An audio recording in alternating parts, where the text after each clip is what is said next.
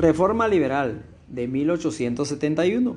La Revolución Liberal de Guatemala fue un proceso revolucionario ocurrido de carácter liberal que causó un cambio en la política de este país y que derrocaría al presidente Vicente Serna, liderada principalmente por Miguel García Granados y con importante participación de Justo Rufino Barrios.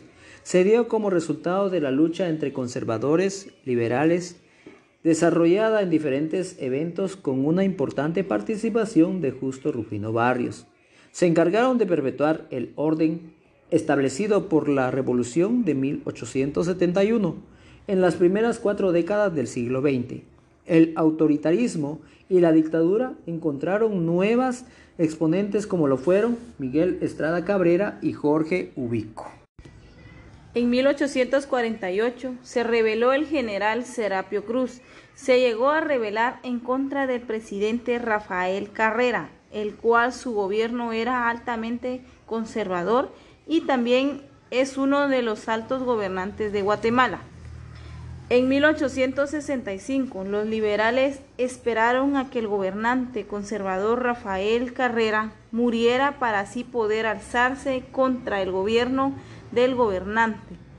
En 1865 hasta 1869 se llegó a desarrollar el primer periodo de la presidencia de Cerno, donde se desarrolló sin mayores inconvenientes su reelección, donde se llegó a agitar las aguas políticas. En 1871, los gobernantes Miguel Ángel García y Justo Rufino Barrios fueron los primeros gobernantes que llegaron a dirigir a más de 500 hombres, el cual hizo que establecieran su propio cuartel general, el cual fue dado en las faldas del volcán Tacaná. García buscó una alianza con Justo Rufino Barrios, en caudillo fronterizo. El gobernante Miguel Ángel García Granados tenía en esos momentos 62 años donde concordaban con su edad mientras que Rufino Barrios, por su juventud, encabezaba lo que se podría llamar facción radical del movimiento.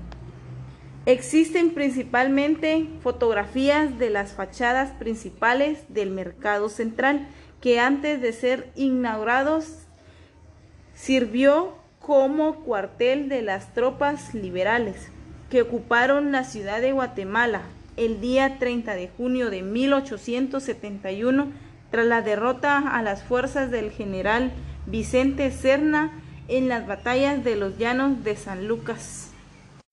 1898. A fines del siglo XIX, un país rural con grandes cantidades de 3 millones de habitantes, más de la mitad de ellos de descendencia indígenas, sin derechos ni a voz ni a voto por ser analfabetos, muchos de ellos campesinos dedicados al cultivo de banano y café. A raíz de esto, se formaron los movimientos de las facultades de Ciencias Jurídicas Sociales de la Universidad de San Carlos, con fin de unificar y manifestar previo a la Semana Santa. Entre ellas, surge el famoso desfile bufo en contra de las injusticias y en procedencia de los desprotegidos, que se llamó Huelga de Dolores. En ese mismo año también muere asesinado en extrañas circunstancias el presidente José María Reina Barrios y asume la presidencia José Manuel Estrada Cabrera. Gracias al apoyo de una empresa denominada United Fruit Company, una compañía frutera más grande del país. Con ello se inició la construcción de puentes, puertos, carreteras y ferrocarriles con el propósito de exportar el banano, el café a tierras internacionales, así favoreciendo a la empresa frutera. En el año 1889 se organizó la Asociación de Estudiantes de Derecho, que le dan al seguimiento los jóvenes de medicina. Estos dos grupos impulsaron a los, a los protestantes contra la tiranía.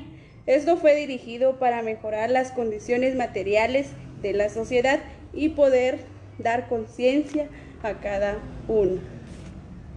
En el año 1918 se transforma la Universidad de Estrada Cabrera, pues se vuelve servilismo, dejando únicamente la base de la cual se levantó después del obelisco. un homenaje a los procederes de, de la independencia.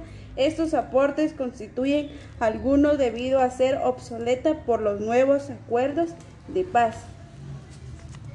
En el año 1920, la crisis, una rebelión popular, declara a Estrada mentalmente insano, obligándolo a renunciar. En esa misma fecha se abre a lo largo del periodo inestabilidad de 10 años.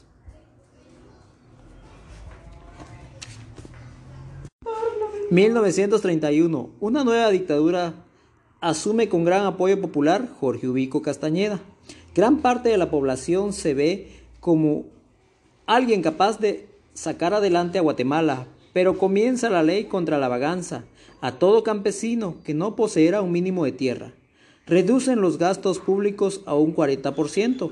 La empresa frutera es la dueña del puerto de en Izabal, o sea, Puerto Barrios.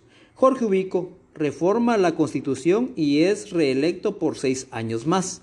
El gobierno de Jorge Ubico es el periodo histórico de la República de Guatemala que comprende del 15 de febrero de 1931 al 1 de julio de 1944 y corresponde esta presidencia del general Ubico Castañeda, quien asumió poderes autoritarios, mantuvo una asamblea legislativa fiel a sus órdenes y mantuvo y aumentó las concesiones a la transnacional estadounidense UFCO. Uno de sus principales objetivos fue lograr una reorganización de la administración pública, para lo cual nombró a varios allegados, los llamados ubiquistas, en posiciones clave del gobierno, entre ellos el coronel Roderico Anzueto, que ocupó el cargo de jefe de la policía. El régimen de Ubico se caracterizó por los intentos de este de estabilizar las finanzas del Estado para lo cual redujo el gasto público. También fue significativo su impulso a la construcción de obras públicas, especialmente carreteras en beneficio de la actividad cafetalera. Denominado por inmigrantes alemanes en las Verapaces, para la construcción de carreteras empleó trabajo forzado de indígenas quienes eran vigilados por el Departamento de Militar de diseño y construcción de carreteras y resultados a la fuerza mediante la ley de vagancia.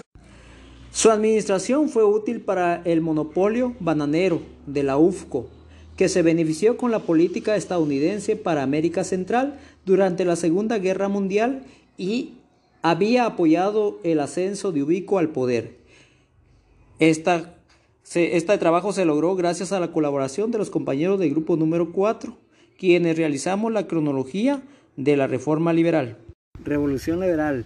Esta inicia en 1871 con la derrocaída de el general Vicente Serna, en la cual Justo Rufino Barrios se encargó de perpetuar el orden establecido por el revolucionario, revolucionario.